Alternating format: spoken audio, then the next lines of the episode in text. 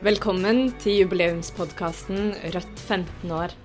En serie hvor jeg, Ingrid Holland, snakker med en rekke Rødt-folk for å få innblikk i Rødts historie og vekst fra opprettelsen i 2007 og frem til i dag. Dette er fjerde episode, Gjennombruddet, med Bjørnar Moxnes, leder i Rødt og Rødts første representant på Stortinget.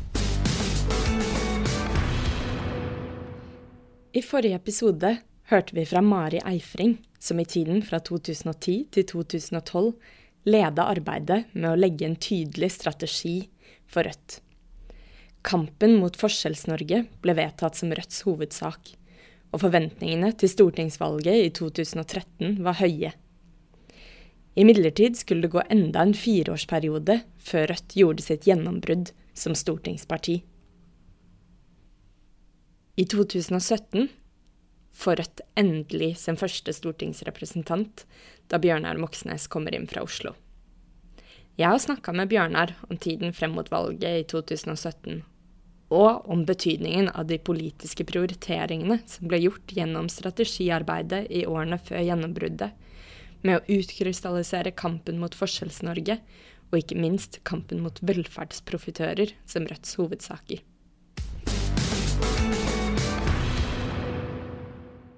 Da har jeg fått besøk av Bjørnar Moxnes, partileder og stortingsrepresentant.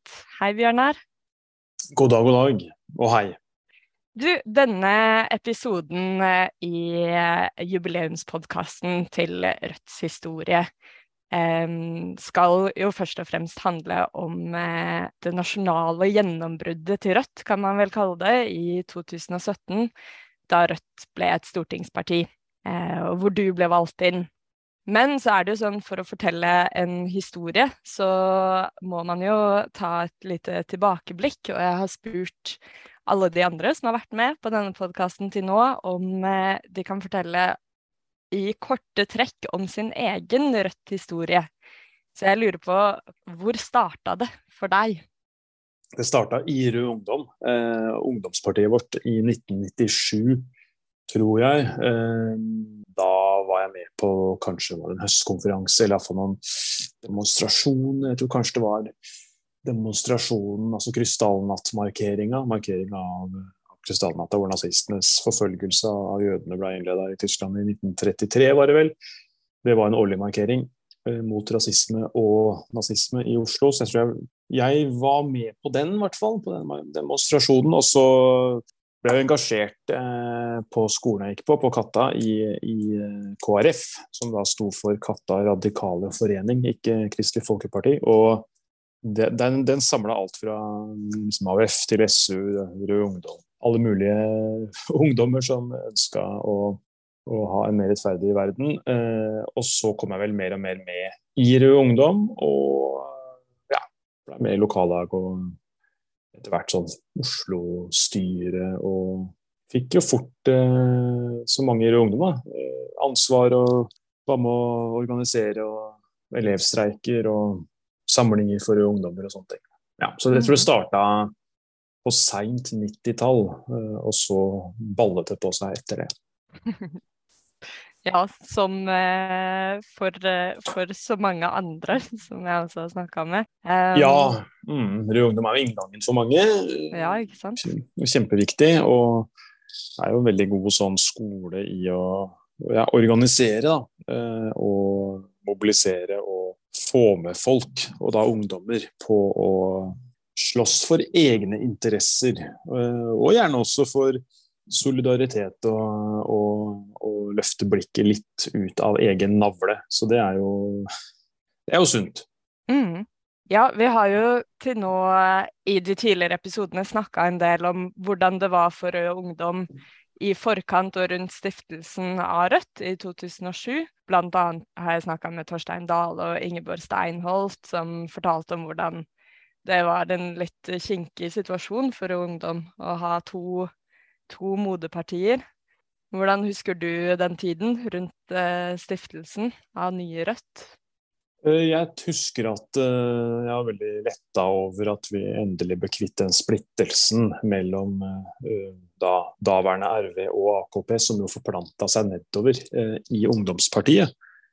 Mm. Og hvor godt voksne folk til en viss grad da, brukte ungdom som en sånn kamparena for, for sine interesser. Det var Eh, det var jo en situasjon som ikke var så veldig bærekraftig for Rød ungdom i lengden, som jo heller burde få bruke tid og krefter i fred på de sakene som de ønska å jobbe med. Om det så var skolepolitikk, eh, antirasisme, feminisme eller hva som helst. Men det å være en sånn arena for fløykamper mellom, for, mellom voksne folk, kanalisert gjennom et ungdomsparti, det, det var Eh, ikke spesielt eh, gunstig. Eh, og skapte mye unødvendig både trøbbel og jobbing og intern splid.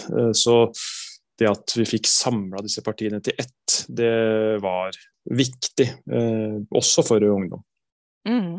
Hvis vi spoler litt kjapt fremover nå, så var det i 2012, det var da du tok over som partileder. Um, det stemmer.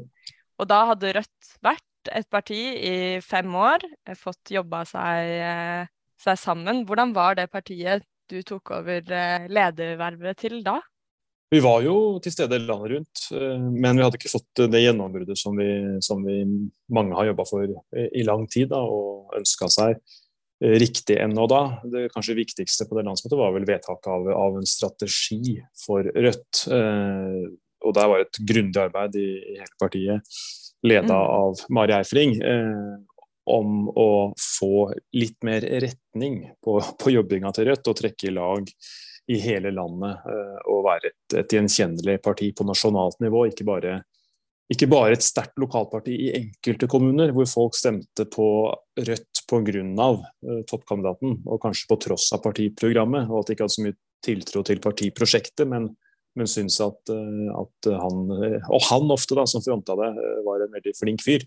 Eh, men bli et parti som folk stemte på pga. programmet og hovedsakene, og at de også opplevde at vi var en kraft og et nyttig verktøy for dem for å få gjennomført endringer og forandringer i Norge. Så arbeidet med det, strategien, den ble vedtatt på landsmøtet i 2012. Mm. Og blinka ut kampen mot Forskjells-Norge som en hovedsak. Eh, styrke båndene til fagbevegelsen både lokalt og nasjonalt. Og prioritere de sakene som er viktige i folks hverdagsliv. Om de så er i eller utafor eh, arbeid. Eh, det var helt avgjørende for det seinere gjennombruddet. Mm. Ja, jeg snakka jo med Mari her i forrige episode, som eh, fortalte en del om det strategiarbeidet, og også eh, parallelt med det å befeste hovedsakene, så var det jo en voldsom organisasjonsbygging. Grasrotbygging, og også å løfte fylkesleddet i organisasjonen. Eh, men det var vel mange som hadde håpa at stortingsvalget i 2013 med en ny strategi, en klar hovedsak, kampen mot Forskjells-Norge, at det skulle bli Rødt sitt gjennombrudd. Ja, og ikke minst en ung og vital partiledelse med partileder i spissen. Det gikk eh, skikkelig i dass, eh, ble et veldig dårlig valg. Eh, og da kunne vi jo tenkt ja ja, det var den strategien. Vi, vi tok feil. Eller Rødt tok feil. Nå må vi bare snu. Kaste alt på båten og, og snu alt rundt. Men det viste vel bare at det tar litt tid å mm. bygge opp, bygge opp tillit i nye og breiere sjikt av befolkninga. Det er ikke noe du bare kan vedta på et landsmøte at vi skal bli det nye Arbeiderpartiet, altså, eller det nye partiet for arbeidsfolk.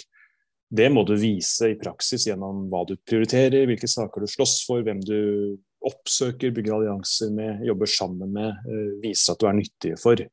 Så det er, altså det, Action speaks eh, louder than words når det kommer til den typen ting. så Eh, vi valgte da, Rødt valgte jo å si vi holder fast i strategien, vi tror den er riktig. Mm. Vi tror det trengs eh, et nytt Arbeiderparti i Norge. Det gamle det er altfor langt inn i markedsliberalisme, EU-tilpasning, EØS eh, e og skatteforlik med høyresida. Det slår ring rundt profitt i velferden. Forskjellene har bare økt i 20-30 år med skiftende regjeringer, om det så er Arbeiderpartiregjeringer, Høyre-regjeringer eller rød-grønn regjering. Vi mener det trengs et parti som tar kampen mot forskjellene som sin hovedsak. Som er tydelig eh, sosialistisk, eh, og som eh, alltid velger arbeidsfolks side. Og vi tror at det er mange som ønsker seg et sånt parti. Mm. Så, så, da må vi jobbe i den retninga. Så får vi se da, om det kaster av seg på sikt eller ikke. Mm. Nå har du jo sagt litt, eh, litt om det, men gjennombruddet kom jo da neste stortingsvalg fire år seinere, i 2017, hvor eh, Rødt ble et stortingsparti. Var det noe du tenkte at Var det noe, eh, noen politiske saker eller noe som skjedde i i samfunnet i den tiden mellom 2013 til 2017 som hadde betydning for uh, den veksten? Eller tror du det var nettopp det du snakker om, at uh, vi trengte tid på å jobbe inn en ny strategi i organisasjonen? Nei, altså, det er jo Et parti må jo ha saker uh, mm. å vinne valg på, eller mm. styrke seg i valg på. Og et lite parti under sperregrensa har ikke så veldig mange saker som, som virkelig både vi har eierskap til, altså hvor vi oppleves som det mest liksom, solide partiet, og som samtidig er viktig nok for mange nok folk. Altså, det er fullt mulig at vi hadde sakseierskap på en del utenrikspolitiske standpunkter eh, som vi sto alene om. Men det er jo ikke sånn at de spørsmålene eh, alltid avgjør eh, når folk putter den urnen, da, eller den seddelen, i, i, urna på valgdagen. Da er det ofte eh, det som handler om eh, politikk i hverdagen, som avgjør. Helsepolitikk eller velferdspolitikk, den typen ting. Mm. Og der hadde vi én sak, egentlig, som, var, som vi hadde, hadde ordentlig, ordentlig, dreisen på, og det var jo kampen mot velferdsprofitørene. Jeg snakka om velferdsprofitt på inn- og utpust i enhver tenkelig og utenkelig sammenheng i stortingsvalgkampen i 2017, til jeg blei for lengst lei det, og jeg tror også partifolk blei møkka lei av å høre om velferdsprofitører, fordi jeg sa jo ingenting annet. Men eh, det var jo en klar tanke bak det, og det var heller ikke noe jeg kom på sjøl. Det var jo Jeg hadde erfart det etter 2015-valget, som egentlig var opptakten til gjennombruddet. Det var jo et gjennombrudd i 2015, da Rødt ble et mellomstort parti i masse uh, viktige kommuner og byer landet rundt. Fikk varaordføreren både på Gjøvik, i Kragerø og i Bodø. Mm. Vi ble en del av det nye flertallet i Oslo etter over 20 års høyrestyre. Uh, I, I alle disse kommunene, og flere til, Trondheim, Tromsø Tromsø var, fikk vi jo 15 uh, og gikk inn, inn, i byråd for å legge ned byrådet. tok tilbake renhold i Tromsø, samme i Trondheim. vi viste jo at en stemme på Rødt også betyr noe reell forandring. Og Det må ta mm. tilbake tjenestene, ta tilbake renholdet, ta tilbake renovasjonen, som vi så i Oslo med etter veiren- og søppelskandalen. Eh, det å stanse velferdsprofitørene. Dette er jo en sak som har massiv støtte mm. de rød-grønne velgermassen. Så langt inn i Arbeiderpartiet, til og med i sentrum i KrF, er jo folk massivt for at penger som skattes til velferd, skal gå til velferd, ikke til privat profitt. Eh, mm. Og I tillegg er det jo noen hundretusener da, av folk som jobber innenfor velferden, i kommune og, og fylkeskommune og stat, som jo veit at det er de som betaler prisen dersom dette her blir privatisert, og, og at de får dårligere lønns- og arbeidsvilkår, dårligere pensjon, ikke minst. Så den saken har jo enorm gjenklang hos alle de vi ønsker å nå fram til. Mm. Eh, den handler om framtida for velferdsstaten. Eh, hvis vi tillater eh, at det her får vokse seg, kommersialiseringa, så undergraver vi hele skatteviljen og viljen til å fellesskapsfinansiere en offentlig sektor. Og i tillegg trekker du også inn arbeidstaker, arbeidstakernes situasjon, fordi det er de som betaler prisen når velferden blir kommersialisert. Så det er ikke en liten sånn sidesak det er ikke en, er ikke en, en sånn marginal, eh, liten sånn KrF. ikke sant? KrF har noen veldig sære hjertesaker som er helt mm. sprø. Dette er midt i kjernen av strategien vår. Altså offentlig versus privatisering, arbeidstakernes rettigheter, eh, velferdsstatens framtid.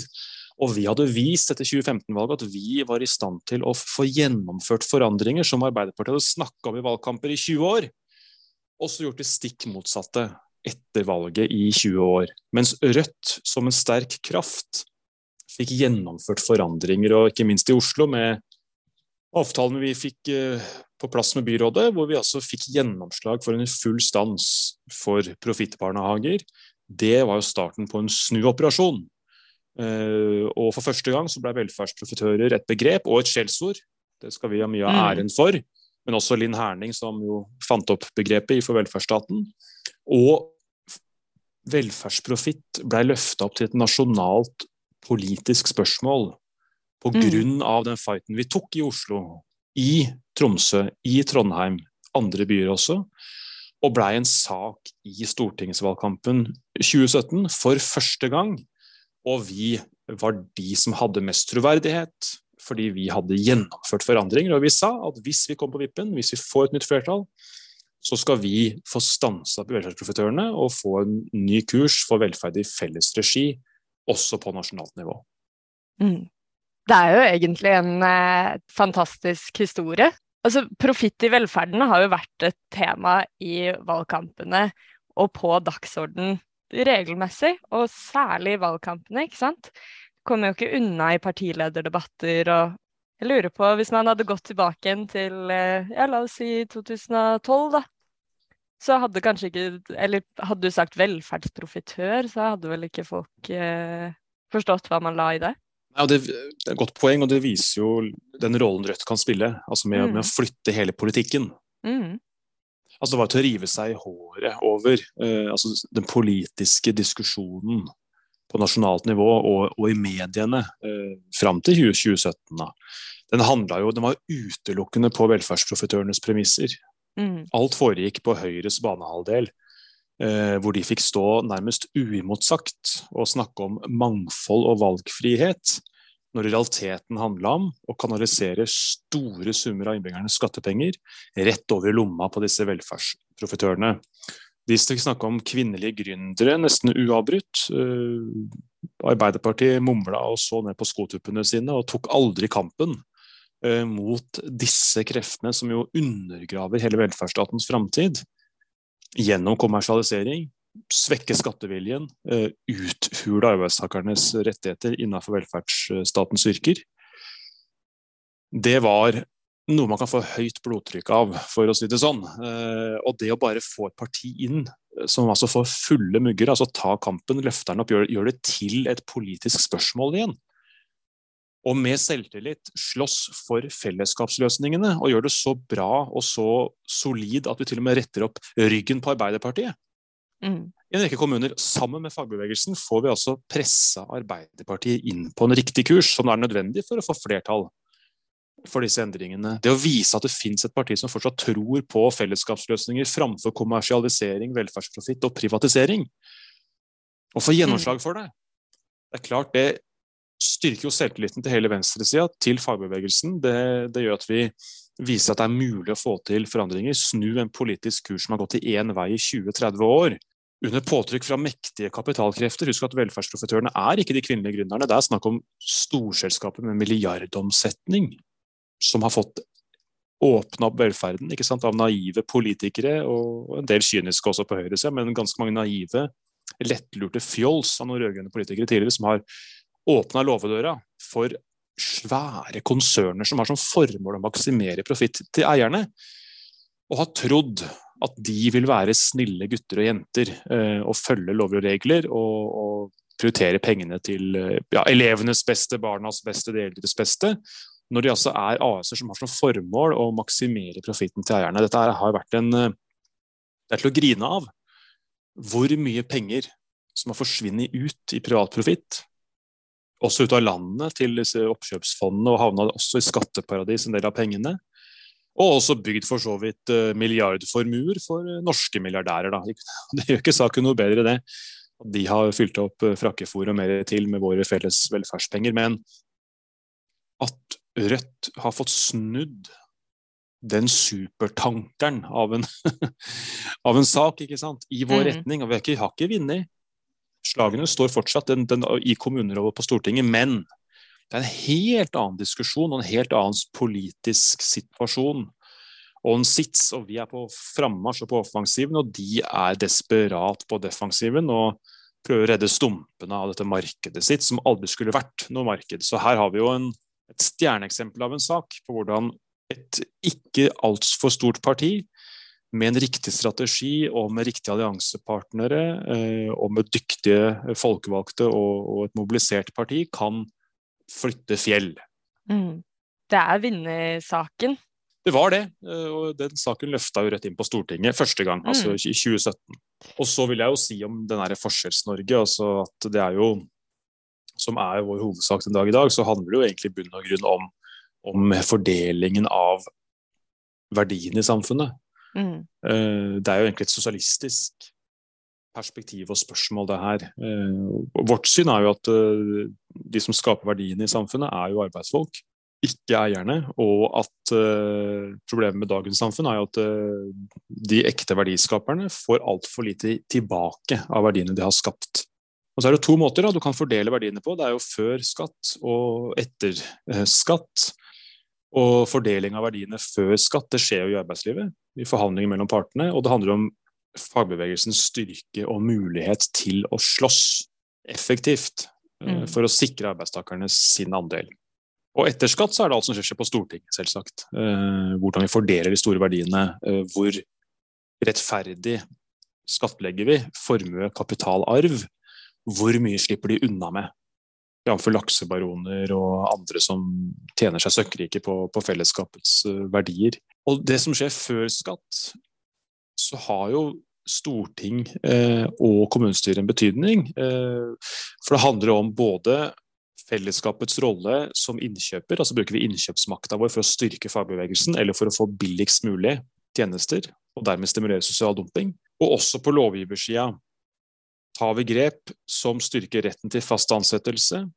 Eh, innfører vi lover som forbyr bruk av bemanningsbyråer lovfester vi retten til heltid. Følger vi opp med, med, midler som gjør det reelt mulig for kommunene å tilby heltid. Dette er også helt avgjørende for fagbevegelsens kampkraft.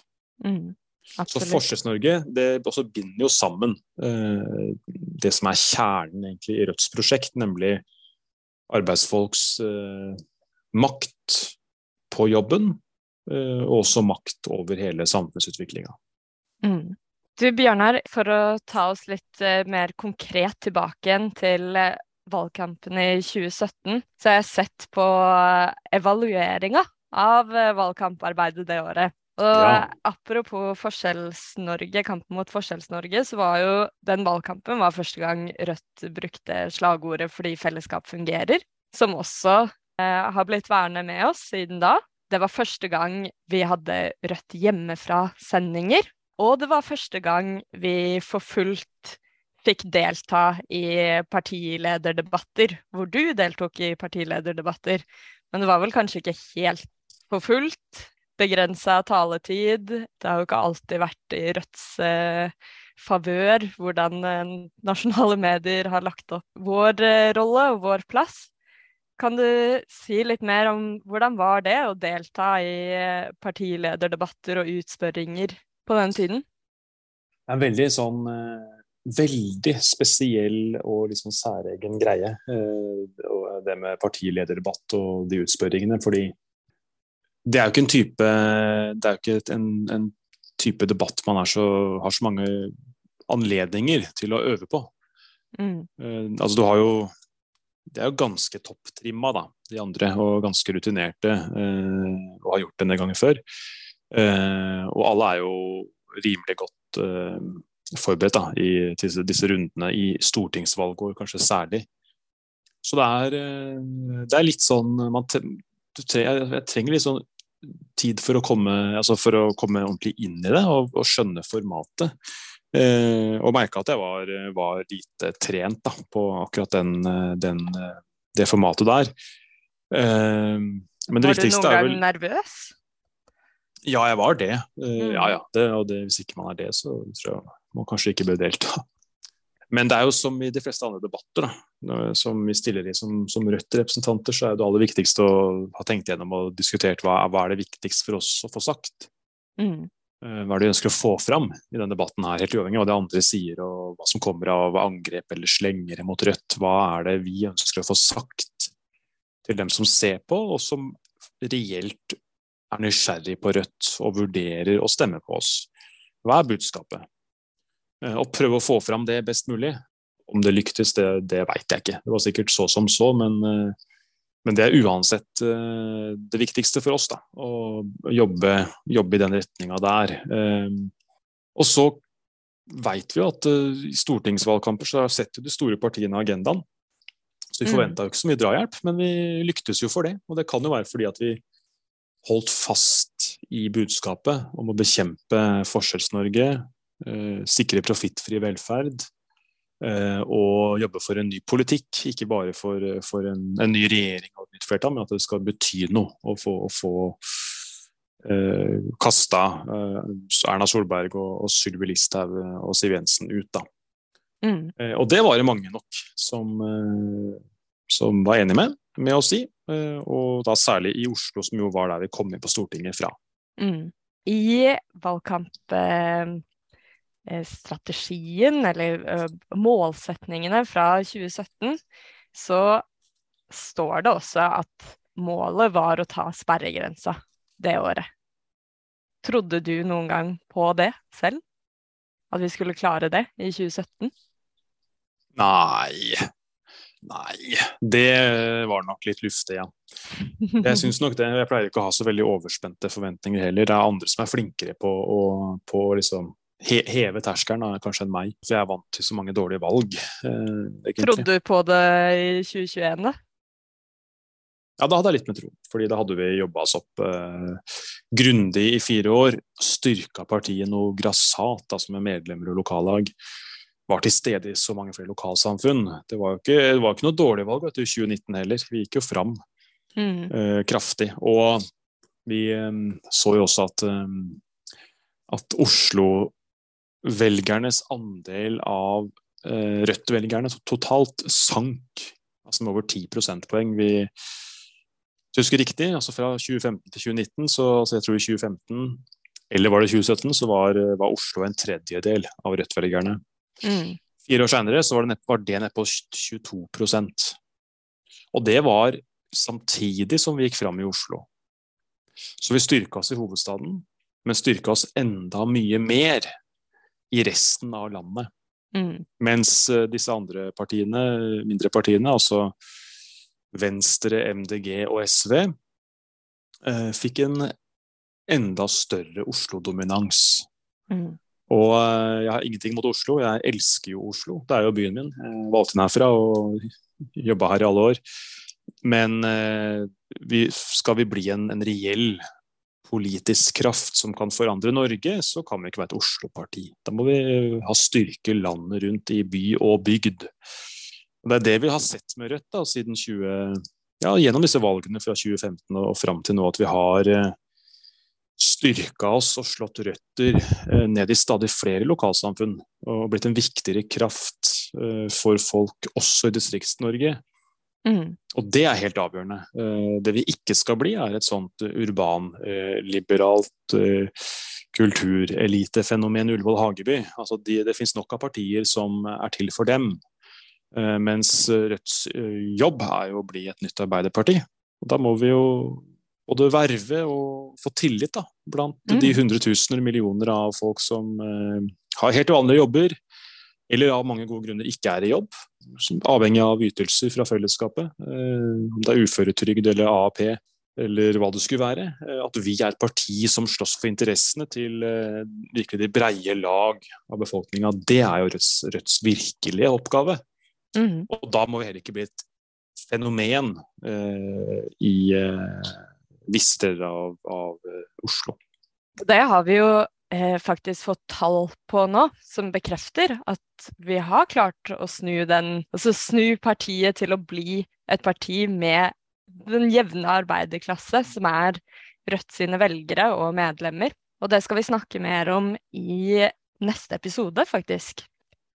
Men Bjørnar, vi skal begynne å runde av eh, nå snart, og du har jo vært inne på det. Men hva tenker du, hvis vi ser tilbake igjen på Rødts historie fra 2007 og frem til i dag, og kanskje særlig de valgkampene vi har snakka om nå? Hvilke lærdommer og erfaringer fra, fra Rødts historie tenker du er viktig at vi tar med oss nå, når vi snart går inn i enda en ny lokalvalgkamp? Jeg tror en viktig lærdom er at uh, det er et stort ønske om et uh, tydelig sosialistisk parti som, uh, som, slåss for vanlige folk, og som setter interessene til vanlige folk foran både milliardærene og velferdsprofitørene og hensyn til EØS-avtalen og den typen andre hensyn som dessverre andre partier, når det kommer til stykket, prioriterer over folk flest av, av, ulike grunner. Så Det er det ene at vi må holde fast i forankringa vår, i, i, også lojaliteten vår til, til, til vanlige folk. og så er det at, at vi trenger Vi må gå til valg på å, slåss for konkrete gjennomslag. Mm når Rødt nå blir mer og mer et parti for, eh, for eh, arbeidsfolk flest, så må vi også i større og større grad eh, slåss for gjennomslag. Fordi hvis du er et, eh, et fenomen for den urbanliberale middelklassen, som et mer sånn slags livsstilsmarkør av et partivalg, så de, for dem er det ikke så farlig med, med, med reelle forandringer av, av, av, Norge, fordi de har det. De klarer seg uansett. Men hvis du er uføretrygda, hvis du er lavtlønt, hvis du jobber i et bemanningsbyrå, hvis du er blant dem som opplever baksida av øh, glansbildet Norge, da, da, trenger du reell forandring. Mm. Da trenger du endring i arbeidsmiljøloven. Da trenger du styrking av minsteytelsene. Da trenger du et løft i trygdeytelsene. Da, trenger du reell forandring, for det handler om ditt liv, dine muligheter uh, og din framtid. Mm. Så det å bli et større parti, og et parti som også styrker seg utover i, i folkedypet som vi gjør nå, det legger jo helt, helt andre krav også på, på våre skuldre da, om, om, å få til reelle forandringer. Uh, og, og, slåss alt vi kan for å trekke politikken i vår retning uh, og vise at uh, det er mulig å endre på Norge. Det er mulig å forandre samfunnet i mer rettferdig retning. Jeg tror ikke problemet er at folk flest uh, syns Eller jeg tror kanskje problemet da, sånn, er at veldig mange ikke tror på at forandring er mulig. Uh, for de har, erfaring med at de har stemt på, gitt tillit til andre partier og ikke fått de forandringene som de har blitt lovt. Mm. Så da kan du få folk som blir desillusjonert, som setter seg i sofaen på valgdagen, og som tenker at det blir det samme uansett hvem som får stemmen din. Vår jobb er å vise at dette kan vi få til sammen. Og mm. Hvis du særlig vil engasjere deg og bli med, og bli med i Rødt og, og, bli med og jobbe for forandringer sammen med oss, så kan vi få til enda mye mer. Uh, men det gir folk troen på at det nytter å stå på, og at vi skal få til endringer i rettferdig retning i fellesskap. Det er nøkkelen eh, for at Rødt skal styrke seg videre, og ikke minst nøkkelen for et mer rettferdig Norge som blir bedre for eh, det store flertallet. Eh, og Der har vi en kjempejobb, ikke minst nå som forskjellene øker. Mm. Vi får en forskjellskrise nå med, med, doble rentehevinger, økende matvarepriser, drivstoff og ikke minst galopperende skyhøye strømpriser. Så oppgavene er nok større enn noen gang, men også potensialet for Rødt og mulighetene for å få med oss folk er mm. også tilsvarende mye større. Ja, vi er jo oppe i et skal jeg si, politisk klima nå hvor jeg tror mange står i et sånn veiskille mellom enten å bli politisk engasjert og tro på at man kan forandre ting, eller å bare kjenne på avmakt, ikke sant. Og det er jo i det rommet at Rødt fins. Ja, det er det, og, og det er klart eh, Når forskjellene øker, når 400 000 husholdninger sliter med økonomien, altså en dobling bare siden i fjor. Mm. Når 200 000 må velge mellom eh, Altså må, må stå over måltider. Eh, gjøre harde valg mellom, mellom, varme i huset sitt eller leiligheten og mat. Det er klart Dette her kan også føre til antipolitikk. Altså en, en rein eh, en reaksjon som bare er å snu ryggen til mm. eh, alt som eh, fins. Og og tenke at uh, ingenting nytter, og, og, og, og, tenke at hele det beitet der er en gjeng med, med, med folk som ikke vil oss vel. Uh, og det er jo en gavepakke til uh, de som tjener på dette her. De som kommer seg gjennom disse krisene med enda mer penger i, på konto og, større formuer. Vi må jo mobilisere folk til å slåss politisk for en rettferdig retning. Så vi har en kjempejobb uh, å gjøre der, og vi er blant de partiene som jeg tror også har troverdighet, fordi vi har ikke vært med på disse kompromissene. disse denne EØS-avtalen, uh, underlegger Norge ACER, EUs energibyrå. Vi har jo stått fast uh, ved en annen kurs. Og derfor når vi også ut til helt andre folk enn en, en del andre partier har sjanse til å nå ut til. Så den oppgaven er jo stor, men den er viktig. Og jeg tror at vi, når vi ser i Europa og landene rundt oss, så ser vi at hvis ikke vi står fram og tar den oppgaven og gjør jobben, så er det helt andre krefter som vil styrke seg i krisetid. Og de kreftene de slåss ikke for noe solidarisk eh, vei ut av krisa, men de peker ut syndebukker, mobiliserer på det eh, og gjennomfører en eh, reaksjonær politikk som til syvende og sist sender regninga til vanlige folk, og aller mest til dem som er i en eller annen form for sårbar minoritet. Mens de rikeste går fri. Mm. Så det vet vi fra både historien og fra Europa rundt oss nå, at det er den alternative kursen. Hvis ikke den radikale venstresida går fram, så overlater mm. vi rommet til helt andre og, og virkelig farlige krefter. Mm. Ja, det er en viktig jobb vi har foran oss, men eh, heldigvis blir vi stadig flere. Jeg skal trekke frem en siste, bare for sammenligningens skyld. I 2017 så var også en av uh, målsettingene i, under valgkampen var uh, at Rødt skulle ha 3400 medlemmer innen utgangen av året. Og nå er vi her fem år senere, og vi er 14 000 medlemmer. Det lover godt. Ja, ja det lover jo veldig godt. Eh, vi har fått ekstremt mange nye medlemmer. Folk som blir med Rødt fordi de ønsker å forandre på verden og endelig finne et parti som, som de opplever at er på lag. Så jeg håper at vi både tar imot folk på en eh, fin måte, at eh, de ja, får et lokallag hvor de kan bli kjent med andre Rødt-medlemmer og både lære ting sammen og, og gjøre ting sammen. og så uh, håper jeg at vi klarer å binde dette partiet da, med 14, er det over 14 000 medlemmer. Binde det sammen uh, i hele Norges land, at vi trekker i lag i noen viktige saker.